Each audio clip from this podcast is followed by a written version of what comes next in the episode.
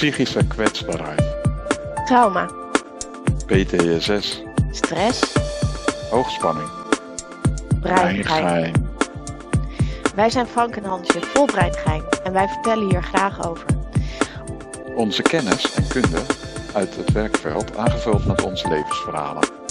We zorgen voor de juiste balans, waardoor we moeilijke onderwerpen bespreekbaar maken. We dagen elkaar uit net een stapje verder te gaan in groei. En nemen jou als luisteraar hier graag in mee. Zo, daar zijn we weer. Daar zijn we weer. Ja. En je moest de beelden eens zien. Ja, voor de luisteraars die geen beeld erbij hebben, wij zitten hier alle twee met een eh, knuffelbeer eh, dicht bij ons lijf. Want dat was natuurlijk de opdracht waarmee wij eh, vorige keer de podcast uitgingen. Dus we gaan daar natuurlijk over vertellen. Verder hebben we vandaag weer een, eh, nou ik zou zeggen, het meest luchtige, onderwerp ooit. Niet dus. Eh, We gaan vandaag ook weer echt de diepte in met een onderwerp wat enorm taboe is.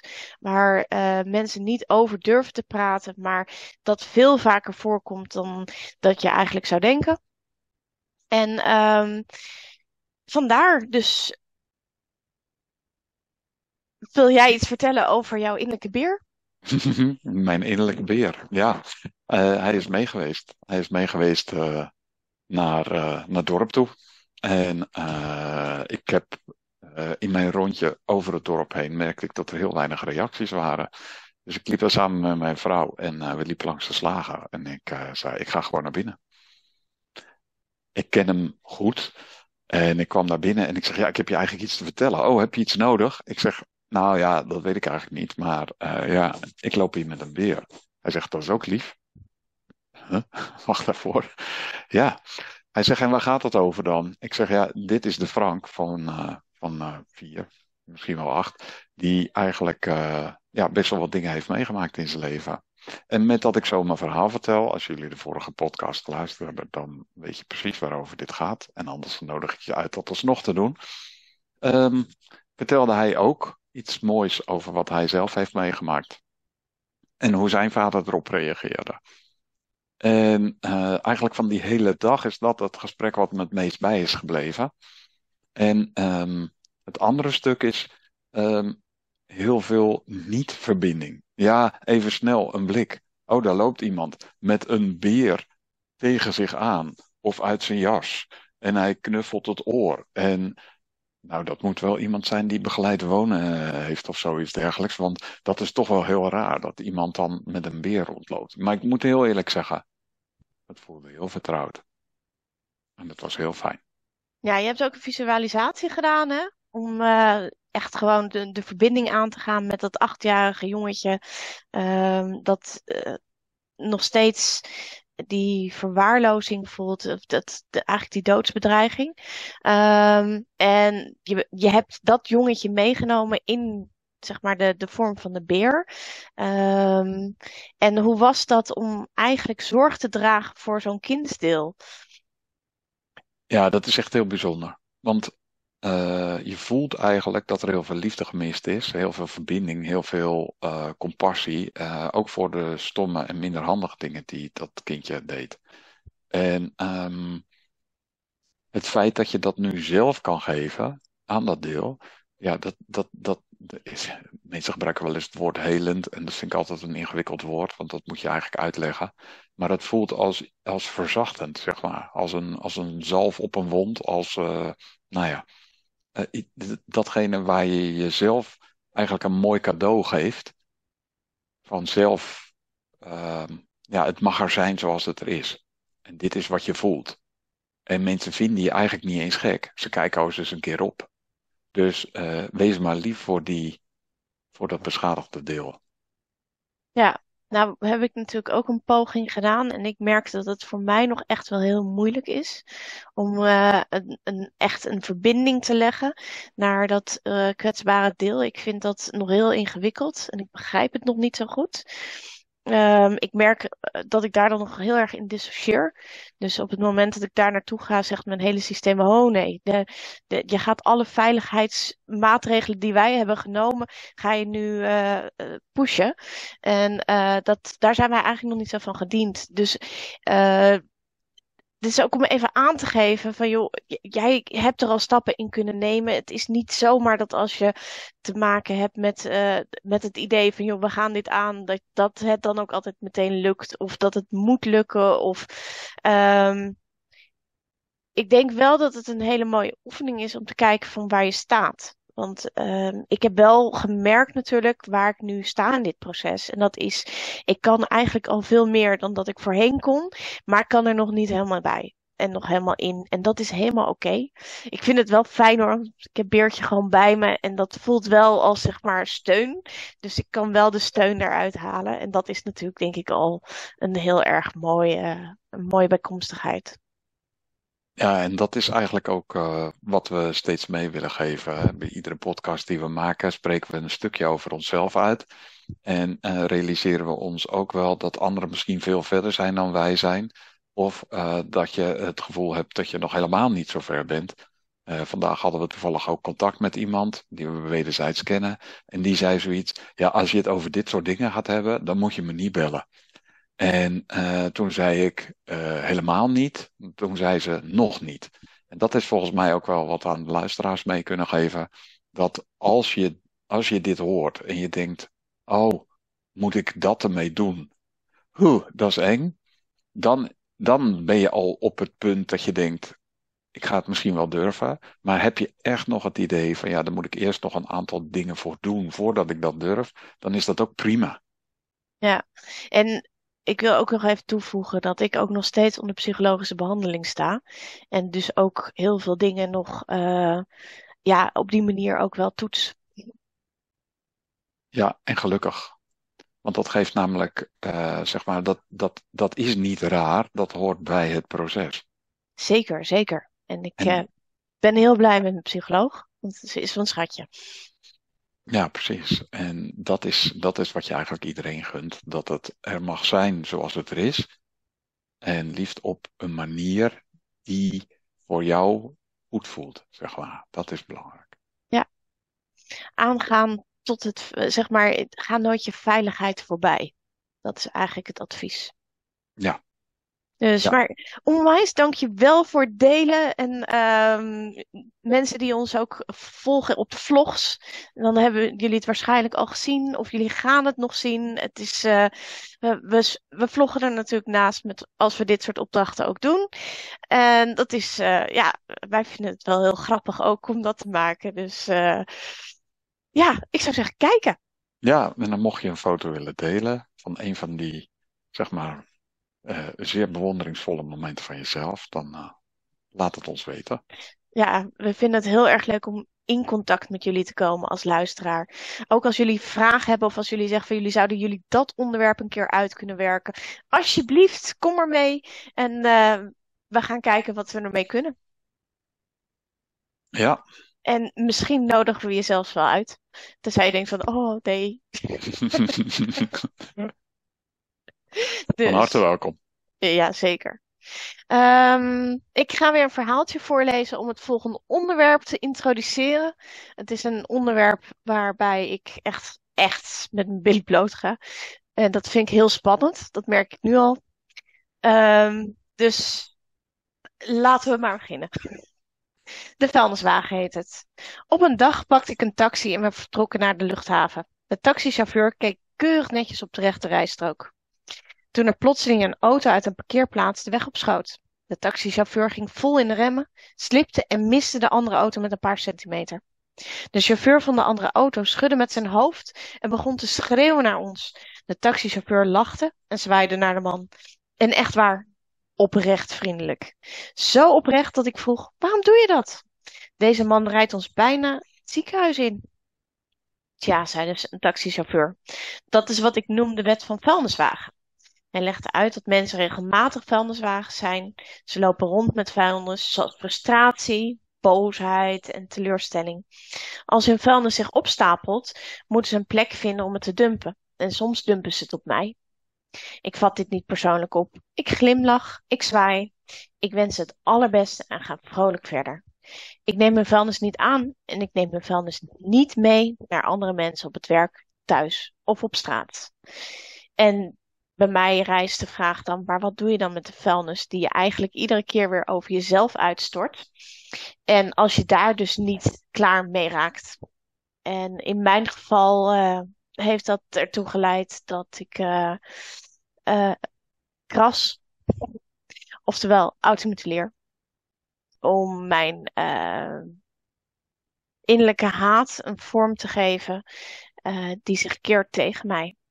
En ik doe dit niet elke dag en ik doe dit niet altijd. Maar er zijn periodes waarin het in mijn hoofd uh, neerkomt op uh, enorme zelfhaat. En dan uh, is dat de manier voor mij om daarmee om te gaan. Ja, en vaak merk je dan toch dat het in het verborgene gaat, hè? Ja, het is niet iets wat je graag wilt tonen of wat je wil laten zien. Of, um, want ja, uh, er ligt wel een bulk schaamte op. Ja, en, en dat, dat uitgangspunt is dan vaak dat, het op plekken, dat je het op plekken doet die minder zichtbaar zijn. Ja, klopt. Ja. En de momenten dat je zeg maar besluit om dat te doen, is dat iets wat heel bewust gaat? Of is dat iets wat, uh, wat, wat, wat, waarvan je denkt, huh, uh, kwam ik hier op dit punt terecht? Ja, ik denk dat er meerdere momenten zijn waarop ik ertoe kom. Um, een van de manieren is als er heel veel emoties me afkomen. En ik kan eigenlijk helemaal niet zo goed met emoties omgaan. Ik heb niet zo heel erg goed het emotiealfabet geleerd in mijn systeem. Um, en daardoor ben ik nu nog steeds in die ontdekkingsfase. Maar als er dan veel emotie is, dan krijg je een soort van overspoeling. En die overspoeling, die wil je remmen. Want je bent anders bang dat er van alles nog wat gaat gebeuren. En wat gebeurt er dan in mij? Die in mij wordt er dan een dissociatie aangemaakt. Oftewel, ik vlucht heel hard mijn lijf uit. En als ik buiten mijn lijf ben, dan heb ik ook niet meer een, een contact met mijn lijf. Dus dan is het handig om te krassen, want dan maak je eigenlijk weer verbinding. Dat is een reden om te doen. Ik heb merk, ook. Merk je dan ook dat het minder zeer doet? Ja, het doet helemaal geen pijn. Want dat is wat, wat je zeg maar, als je dat hoort, dan, dan voel ik het bij wijze van spreken. Maar het doet geen pijn, zeg je. Nee, op dat moment helemaal niet. Op dat moment is het gewoon een kwestie van, ja, ik, ik weet het niet, er, er, er komt iets over je van doen. En er is niet een, een mogelijkheid in je hersens om te denken, dit gaat pijn doen. Of um, ja, als ik dit doe, dan heeft het consequenties of zo. Dus dat is helemaal uitgeschakeld. Het is echt een kwestie van neerzetten. En uiteindelijk voel je dan wat er gaat ontstaan. En wat is dat dan, wat er ontstaat? Ja, een soort van. Um, je, je, je voelt je er eigenlijk tijdelijk heel goed onder. Okay. Uh, en je wordt er een tijdelijk eigenlijk een soort van uh, blij van. Want uh, ja, je, je lichaam gaat een soort van uh, dopamines aanmaken. Precies. Is, is het dan vergelijkbaar met dat je van een zipline naar beneden toe gaat en dat je denkt, ah, en dan dat het een soort euforisch gevoel is of zo? Ja, op dat moment denk ik wel. Alleen het houdt maar heel kort aan. Maximaal mm -hmm. een kwartier.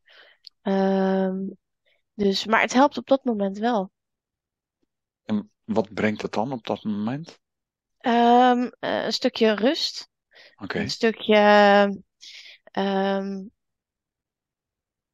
een stukje, ja, hoe moet je het zeggen? Je, je, je daalt weer een klein beetje in jezelf. Mm -hmm. um, en dat, uh, dat helpt mij wel. Natuurlijk daarna niet.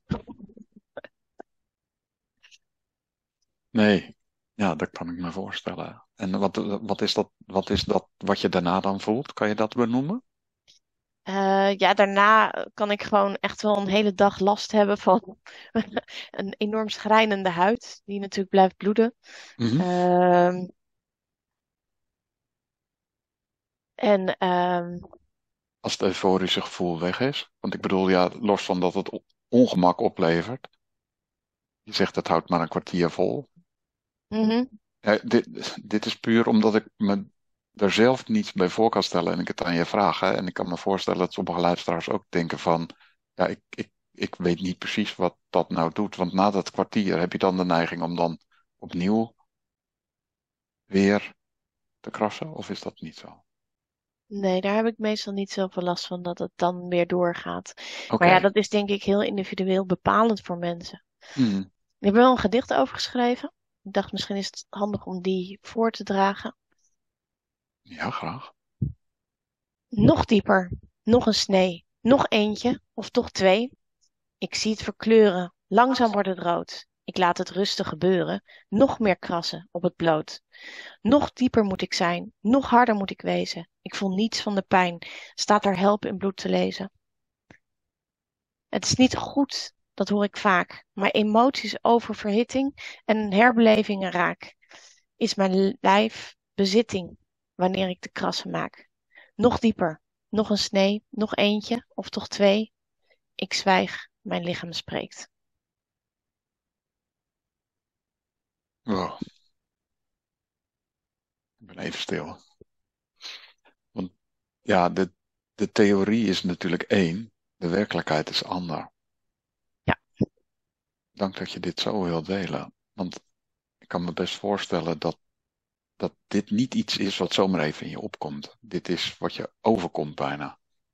Ja, ja. Ik heb ook, ehm, ik ben eigenlijk ook vrij laat op, ben ik begonnen met automuseleren. Eigenlijk pas op het moment dat ik echt begon te verwerken van al mijn trauma's die ik had meegemaakt. Mhm. Ehm, pas op het moment dat ik eigenlijk weer connecte met emoties. Pas op het moment dat ik het idee had dat, er, dat ik daardoor helemaal niet meer veilig was. Ehm, is er een vlucht gezocht. En dit, dit, dit was de vlucht. Ehm, een andere manier waarop ik kras is als er heel interne dialogen zijn die aan mij vertellen hoe ontzettend slecht ik ben, hoe waardeloos ik ben, hoe, ehm, hoe ontzettend stom het is dat ik er nog ben, dat ik beter weg kan wezen. En dan, als ik daar niet naar wil luisteren, want dat is natuurlijk wat er gebeurt, dan denk ik, ja, eh, ik zet jullie wel even uit. Dan zijn ze het daar niet zo mee eens. En dan wordt er letterlijk, zeg maar, woorden op mijn lijf gekerfd met sterf, zwijg, stil, ga niet praten, ehm, je bent een kutwijf, ehm, fuck alles, nou ja, dat soort dingen. En dat kun je dan ook letterlijk teruglezen.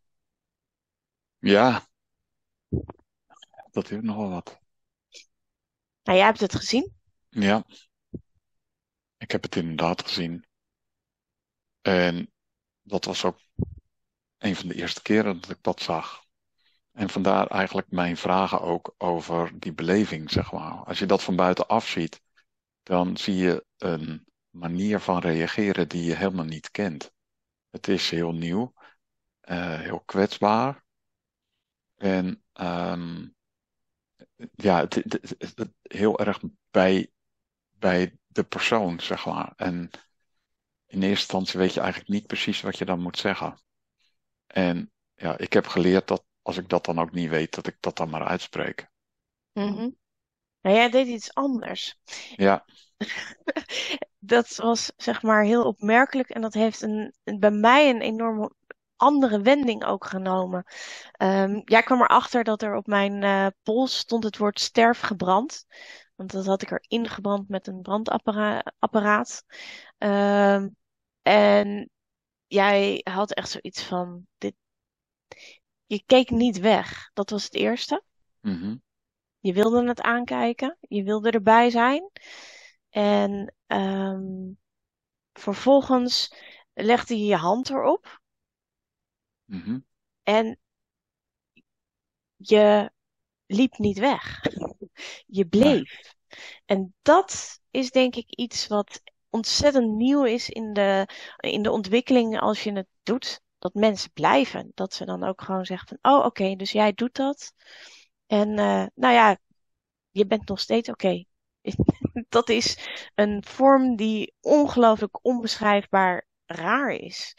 je bent nog steeds oké, ondanks dat je het doet. We vinden het niet leuk, maar als dat erbij hoort, dan vinden we je ook oké. En dat maakt een rare, veilige bedding. Oké, het wordt veilig dus. Ja. Ja, want dat, dat was wat voor mij ook best wel wennen was. Van wat, wat kan ik hiermee? En weet je, het, het is er al. Ehm, het gebeurt. En uh, ik weet nog wel dat ik dat heel liefdevol probeerde te bedenken. Van ja, als dit je overkomt, wat heb je dan nodig? En, en volgens mij was het enige wat ik deed, was met mijn duim eroverheen gaan. Alsof ik het dan kon wegwrijven. En dat weet je, dat, dat werkt niet. Maar dat was wel van het aanraken uh, vanuit een. Uh, het mag er zijn, inderdaad. Het mag er zijn.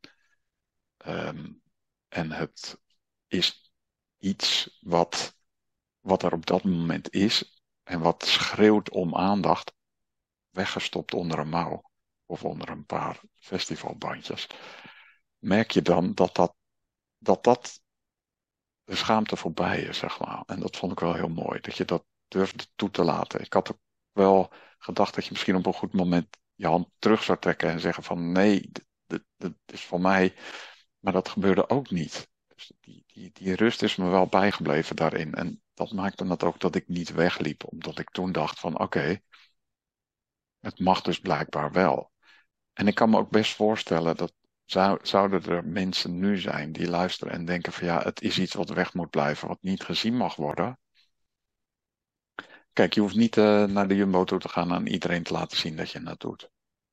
Maar als je iemand in je omgeving hebt wie het heel veilig voelt om dat te laten zien, om het te benoemen, en van wie je mag verwachten dat hij niet afwijzend tegenover dat tegenover jou staat, dat dat dan een liefdevolle reactie kan geven aan wie je bent, aan wat er gebeurt.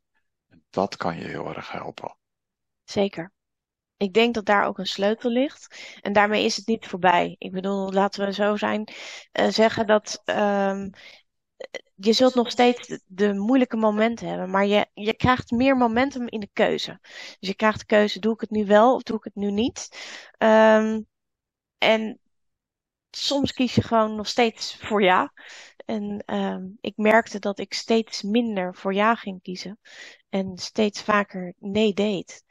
En dat, um, en dat, dat is een ontwikkelingstraject waar je dan ook weer in bent en mee bent. En er zijn nog steeds momenten waarop het af en toe niet lukt.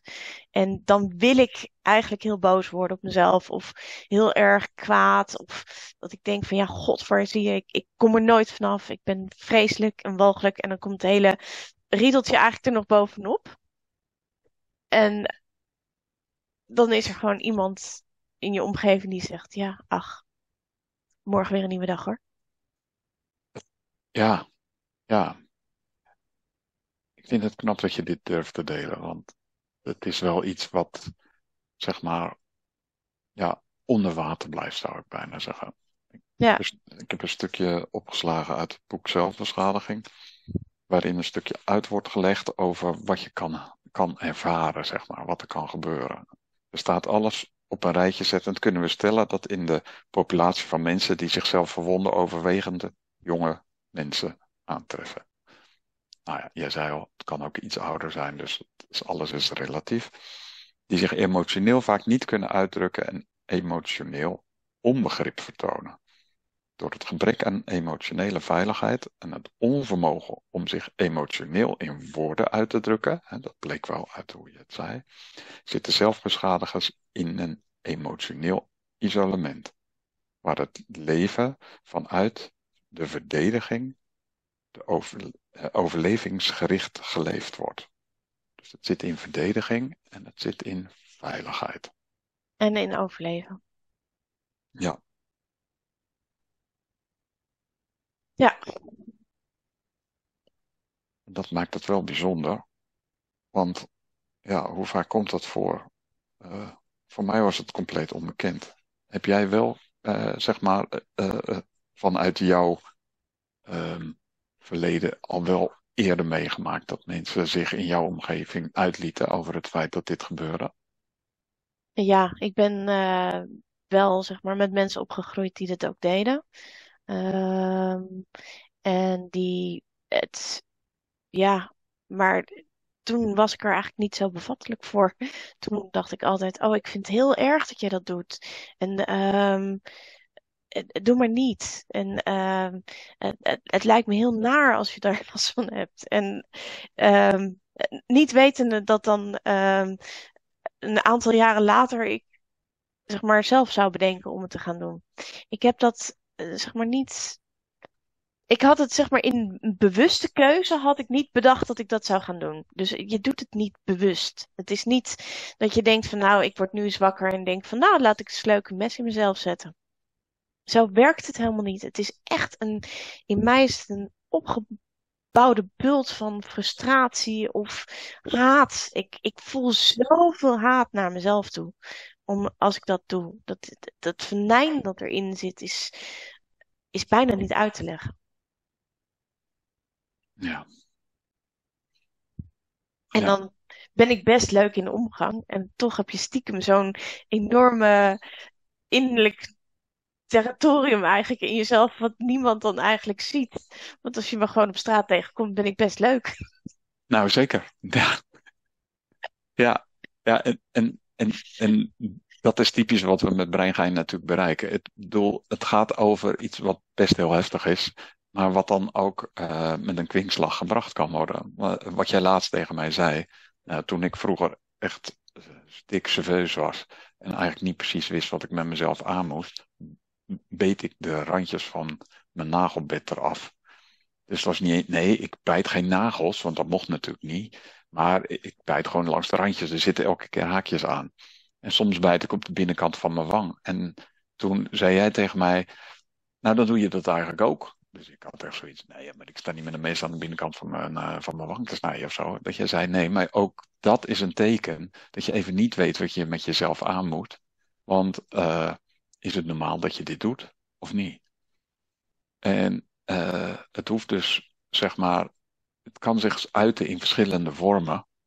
En afhankelijk van hoe ver je daar, eh, eh, eh, hoe emotioneel evenwicht, hoe, hoe vertrouwd het voelt, hoe veilig het kan voelen, kan het zich dus op verschillende manieren uiten.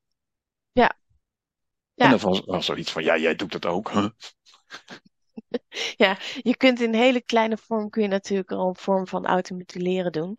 Eh, en dat wordt vaak niet gezien op die manier. Maar het heeft ook wel te maken met een stress zich, die zich naar binnen keert. Of een emotioneel eh, punt waarop je eventjes niet weet waar je naartoe kunt. Ehm, Dus, en ik zal even uitleggen wat er gebeurt. Er gaat- komt iemand de trap op en ik merk gewoon dat ik eruit vlieg. Dat ik denk, Oh oh god, we doen iets stouts. ja, ja. En dat is natuurlijk typisch ook wat je kan overkomen op het moment dat je zelf in die, in je eigen eh, wereld schiet. Ja, om, om weer terug te komen bij waar je bij wilt zijn. En dat je dan toch denkt, oh shit, hoe gaan we dit? Oh, mensen gaan het zien, mensen gaan het merken. Wat zijn we hier aan het doen? ja. En we gaan het nog wel een keertje over PTSS hebben. En dan komen we wel op de triggers en hoe dat dan werkt. En eh, dan kunnen we daar op de diepte in. Het zal een behoorlijk uitgebreide podcast worden. Misschien hebben we wel een paar delen nodig, denk je niet? Eh, ja, PTSS 1. De final version. Ja, nee, eh, ik kan me dit inderdaad voorstellen dat dat, dat het in verschillende manieren zeg maar, naar voren toe kan komen. En dat je, dat, dat, je, dat je even heel bewust bent van je omgeving. Ja, zeker. Je denkt ook als je op straat loopt dat iedereen het ziet. Dat is heel grappig, want niemand ziet het. Ja, ja, ja eigenlijk is dat ook wat we, wat we hadden met die, eh, met die beren. Op het moment dat je daarmee loopt, dan denk je dat, je, dat iedereen het idee heeft dat, eh, dat iedereen het ziet. En eh, dat is niet zo. En zo is dat natuurlijk met heel veel zaken die, ja, zoals je zegt, hè, als je, als je aan automutilatie doet, dan is dat zo zichtbaar en voor jezelf zo voelbaar, terwijl dat soms helemaal niet zo is. En wat je al zegt, als je jou op straat zou tegenkomen en je zou dat in zo'n periode hebben, dan zeg je, oh, ja, ja, nee, ze zei zelfs nog gedacht tegen me. Ja, ja. Je, je leert er enorm goed mee overleven. Ja. Dus heb jij een, ehm, heb je iets waarvan je zegt van nou dat zou ik echt willen vertellen, want dat heeft mij erg geholpen, zeg maar, om, eh, om die openheid op te zoeken? Of eh, is er iets waarvan je zegt van op het moment dat je uh, merkt dat die neiging, die, als je die hebt, dat je daar net een, een, stapje voor hebt? Of zeg je het is eigenlijk onvermijdelijk dat je daarin komt? Nee, ik, ik denk wel dat. Ehm, het heel goed is om naar je innerlijke dialoog te blijven luisteren. Dus dat je altijd een stukje meeluistert. En dan voel je ook wel een beetje welke kant het op gaat. Um, en uh, je hebt ook compassievolle stemmen in jezelf. Godzijdank. Die zijn niet weg en je kunt ze zelfs nog versterken.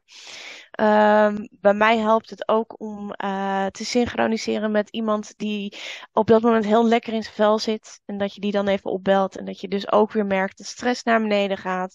En dat je denkt, oké. En um, inmiddels heb ik een aantal mensen in mijn omgeving die mij in deze lelijkheid ook willen ontmoeten. Dus dan uh, hoef ik eigenlijk alleen maar een soort van te zeggen, nou, het is er weer. En dan um, is het oké. En dan, uh, dan hoef je daar ook voor de rest niet op in te gaan. Maar je voelt je wel gezien en gehoord daarin. En ik denk dat het heel belangrijk is dat je leert dat gezien en gehoord worden heel belangrijk is in al deze aspecten. Dus ga het niet achter een gesloten deur houden. Uh, kom er mee naar buiten, zou ik zeggen.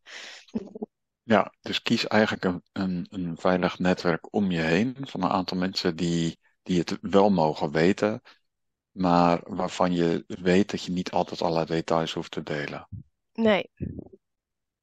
Maar dat als je een keer de details wil delen, dat ze daar ook voor openstaan. Dat is ook iets dat heel raar is, maar wat wel werkt. Ja, en wat ik zelf dan ervaren heb, ondanks dat ik dus die ervaring daarvoor niet had, was dat het ook voor de ontvanger lang zo eng niet is als dat misschien de deler het zou bedenken.